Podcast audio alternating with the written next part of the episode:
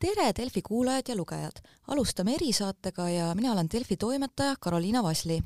ja täna räägime kinnisvaraturul toimuvast, et kes vähegi on jälginud, on kindlasti ka märganud, kuidas hinnad on tõusnud nii müügi kui ka üürihindade osas. ja külaliseks on meil täna kinnisvaraanalüütik Mihkel Eliste, tervist! tervist! Lugesin Ärilehes juunikuus ilmunud lugu, kus te rääkisite, et lähikuude vaates näeme jätkuvat turuaktiivsuse alanemist, mida saadab ühtlasi ka elamispindade osas hinnakasvu aeglustumine. ja selle taustal ma küsikski, et praegu, mil me oleme juba siin juulikuu lõpus, et mis punkti me oleme jõudnud praeguseks, kas pöörane hinnaralli siis ikkagi pidurdub? jah, selles suhtes, kui veel aasta alguses nii-öelda oli turusituatsioon suhteliselt sarnane, kui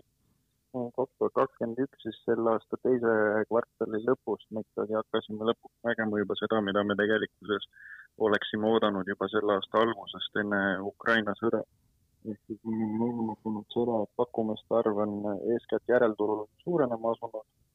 Ja sealjuures siis viimastel kuudel selline pakkumishindade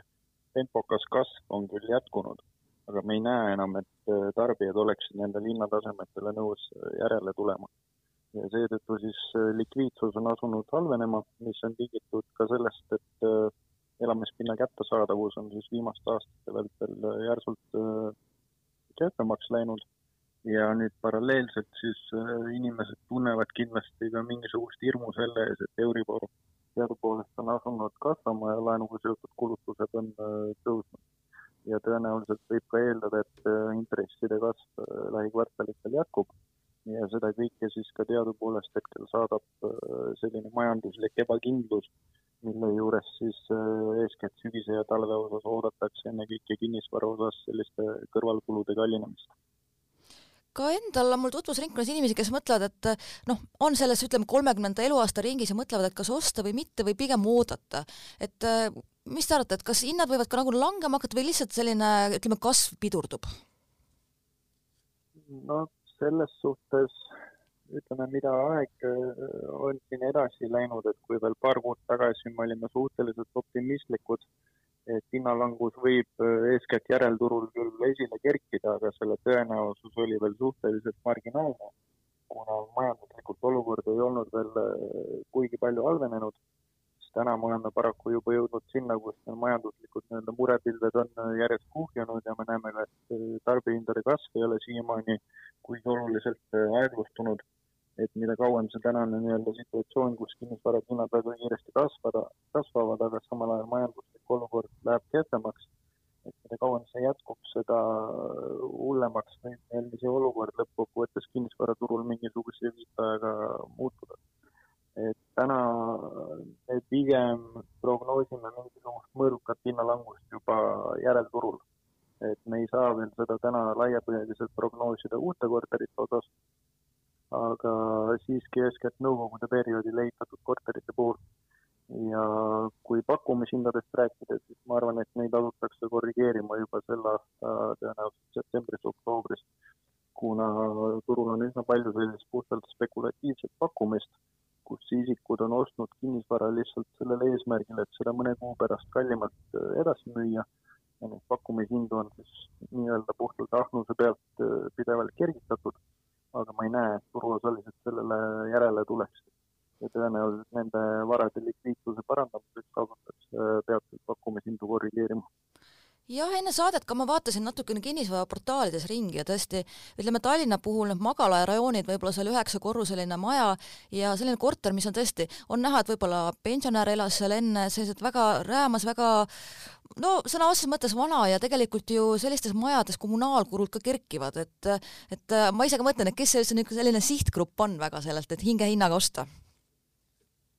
jah, et mind ennast näiteks paneb eriti imestama see, et Äh, olles ise siin äh, mõned äh, korterid soetanud viimastel aastatel, et kui Tallinnas kõige odavamad uued korterid maksid eelmine aasta sama palju, nagu maksavad täna rahuldavas seisukorras nõukogude perioodi korterid erinevates magalapiirkondades, siis ilmestab väga selgelt seda, kuidas ühe aasta või ütleme, pooleteist aasta vältel sellise keskmise koduostja jaoks on elamispinna kvaliteet oluliselt kehvemaks läinud võrreldes tema valikuvõimalustega. ehk siis inimeste ostujõud on selgelt alla jäänud sellele, mis kinnisvaraturul on toimunud. ja võib siis eeldada, et see tingib ka selle, et turuaktiivsuse pikemaajaline langus jätkub, kuna inimesed ei suuda kas enam elamispinda soetada või nad lükkavad selle ostuotsuse pelgalt seetõttu edasi, et nad ootavad turule mingisuguseid paremaid pakkumisi või eeskätt ootavad hinnalangust kui me vaatame ka uusarenduste turu peale, et kuna ehitushinnad on ka kerkinud, et äh, ilmselt seal pigem allapoole väga ei saa minna? jah, ma selles osas ka võib-olla päris ei nõustuks, et ma olen laias laastus samal arvamusel, et täna ikkagi ehitamise hind on kõrge ja olukorras, kus meil inflatsioon on ligi kakskümmend või kakskümmend viis protsenti juba, selgelt survestab äh, palgakasvu ja kuna ehitussektoris meil on siis otsekulude tasandil nii-öelda kolm segmenti, meil on nii-öelda palgakasv, meil on ehitusmaterjalid hinnakasv ja ehitusmasinate äh, hinnakasv. et sealjuures, kuigi nende kõikide komponentide osas me oleme näinud hinnakasvu ja nii-öelda tööturu osas tõenäoliselt kasv perspektiivis jätkub,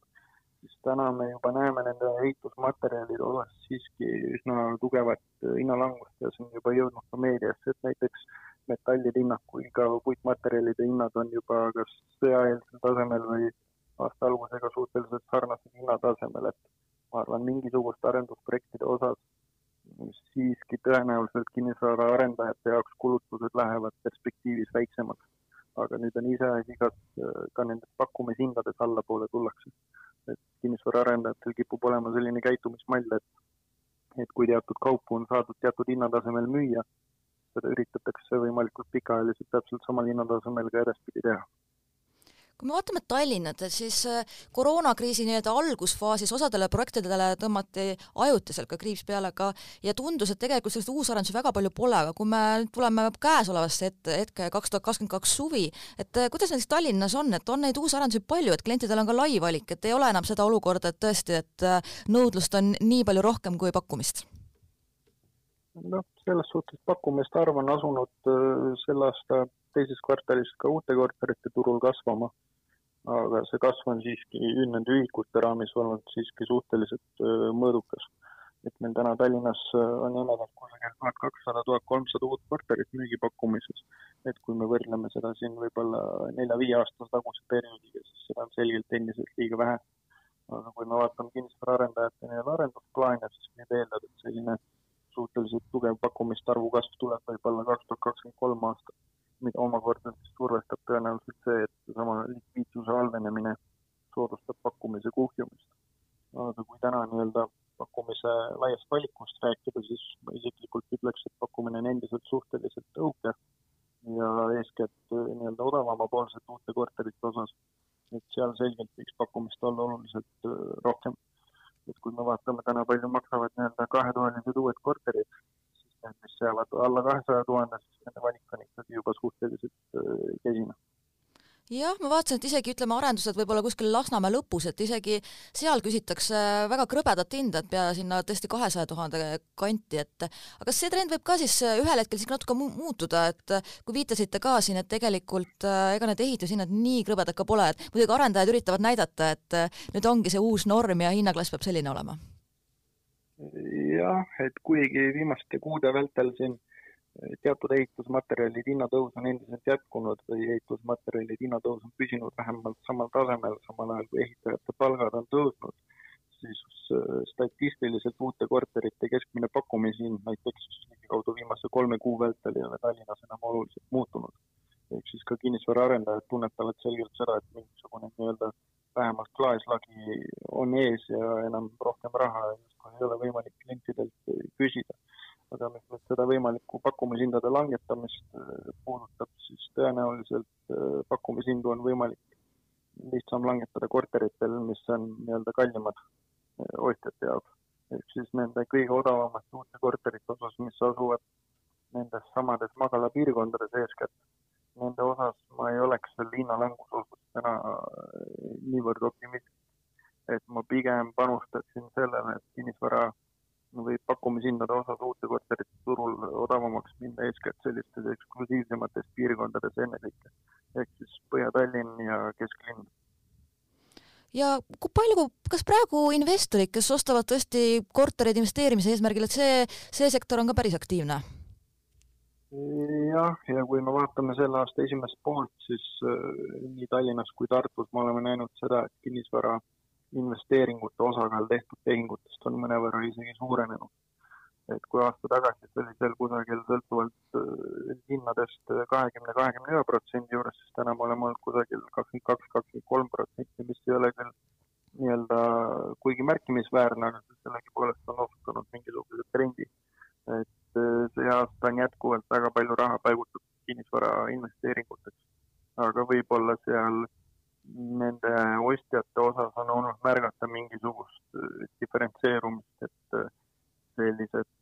kinnisvarainvestorid, kes pikalt on turul olnud, võib-olla nende osakaal on asunud vähenema ja pigem on järjest rohkem neid inimesi, kes on just tulnud kätt proovima võib-olla alustuseks kinnisvaraturul, et selle üüriäriga alustada ja jõuakski natuke nüüd ka siis üüriteemadeni, et ka selles valdkonnas tegelikult hinnatõus, kui me räägime siin Tallinnas ja Tartus, on väga suur olnud, et kas see trend praegu jätkab või on seal ka natuke näha siiski sellist nagu turul rahunemise märke? Peale seda esmast nii-öelda Ukraina põgenike sissevoolu on asunud siiski üüripakkumiste arv taas kasvama, mida ka võiks nii-öelda oodata. et nii Tallinnas kui Tartus täna avalik üüripakkumiste arv on jõudnud tagasi kusagil eelmise aasta sügise lõpu, talve alguse tasemele. ja vaadates, palju siin uusi kortereid Tallinnas peagi valmis hakkab saama, mida eelmine aasta ehitama hakati ja palju nendest tõenäoliselt üürikorteriteks soetatud kortereid on äh, broneeritud, et siis võib eeldada, et üüripakkumiste arv jätkab kasvamist. aga mis äh, üürihindu ja üürnikke puudutab, siis peab kurvastama, et seda pakkumist lisandub eeskätt äh, nii-öelda kallimat üürikorterite segmendi. ehk sellist odavat üüripinda lähitulevikus kuigi palju turule ei lisandu jah, olen äh, ka oma tutvusringkonnast ja ka teistelt äh, tuttavalt kuulnud, et praegu, praegu paljud inimesed ongi ka hädas, sest ütleme sellise nii-öelda tavalise sissetulekuga, ütleme kas või seal tuhat ja natukene peale, väga raske on Tallinnas midagi üürida, et olen ka ise vaadanud, et isegi sellist äh, kaksteist või kuusteist ruutmeetrit pisikest, mida küll nimetatakse jutumärkides stuudiokorteriteks, et nende eest ka küsitakse siin juba ütleme kolmsada eurot või rohkemgi. jah, täpselt nii ja eks olenemata sellest, et meil täna nii-öelda majanduslikult raskem periood on alles ees, et kui need mured taas äh, seljatatud saavad, eks ju, üürihindade kasv perspektiivis ka jätkub, et paraku meil on sarnased trendid nagu mujalgi läänemaailmas, et elamispinna kättesaadavuse halvenemine ei ole tõenäoliselt pelgalt ajutine trend, vaid tõenäoliselt püsib ka edaspidiselt tulevikus. et äh, see omakorda muidugi soodustab Eestis seda, et siin on aastaid räägitud ääremaastumisest ja väikelinnade tühjaks kolimisest, et äh, selles suhtes sellel on mingisugune positiivne mõju just selle trendi pöördumisele. et kui me vaatame Eesti erinevaid väikelinnasid, olgu selleks Rakvere või Viljandi või Haapsalu, mis iseenesest on tänaseks juba suhteliselt kvaliteetse sellise elukeskkonnaga, et me näeme, et paljud kolmekümnendates inimesed on otsustanud enda kodukohta naasta, kuna seal kinnisvara on odavam ja kasvatamine on võib-olla sellise elukeskkonna suhtes mõnevõrra parem. ja mis teie arvate, et kas sellistel üürimajadel, mida ka on siin Tallinnas isegi kerkinud, et äh, on neil ka potentsiaali ja sellised, võiks see segment turust äh, edaspidi veelgi suurem olla? jah, eks perspektiivis ta jätkab ikkagi kasvamist, et kuna Baltikum on äh, ka maailma mastaabis järjest rohkem nii-öelda arenenud piirkond ja seda ei vaadata enam võib-olla niivõrd riskantsena majanduslikult, vaid täna meil pigem on ikkagi probleem see, et meil on nii-öelda kuri naaber Venemaa. Ja kui siin selle Ukrainaga need äh, sündmused loodetavasti saavad Ukraina kasuks natukene mm, leevendatud, siis ma arvan, et ka väliskapital hakkab taas otsima Eestis võimalusi, äh, kuidas äh, siit tulu teenida ja sealhulgas seda, kuidas üürikinnisvaraturult saaks osa lõigata. Ja noh, lõpetuseks ma küsiks veel seda, et on ka inimesi, kes arvavad, et tead, kas kuidagi meil kinnisvaraturul võib midagi väga järsku muutuda või midagi kokku variseda, aga no ütleme nii, et päris ikkagi eelmise kriisiga võrreldavat olukorda ma ei, oletaks, et ei ole. jah, et kui me võrdleme tänast olukorda näiteks aastal kaks tuhat kaheksa, mis sest, et meil nii-öelda on olnud kiire majanduskasv ja sellele on järgnenud väga kiire tarbijahindade kasv, et siiski täna see ei ole tulnud niivõrd laenukapitali arvelt et kui me vaatame, palju on eestlaste kapitaliseeritus, palju neil on hoiuseid, palju neil on laene, palju neil on nii-öelda sissetulekuid, siis ma ütleks, et seal olukord on täna ikkagi suhteliselt positiivne.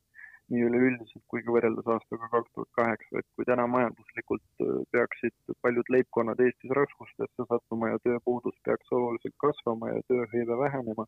siis ma ei näe, et see kuidagi kinnisvaraturgu nüüd väga tugevalt äh, survestama hakkaks aga sellega ka saate lõpetaks ja aitäh rääkimast ja jälgime kõik huviga, et mis kinnisvaraturul edasi juhtub mm. -hmm. ja aitäh kutsumast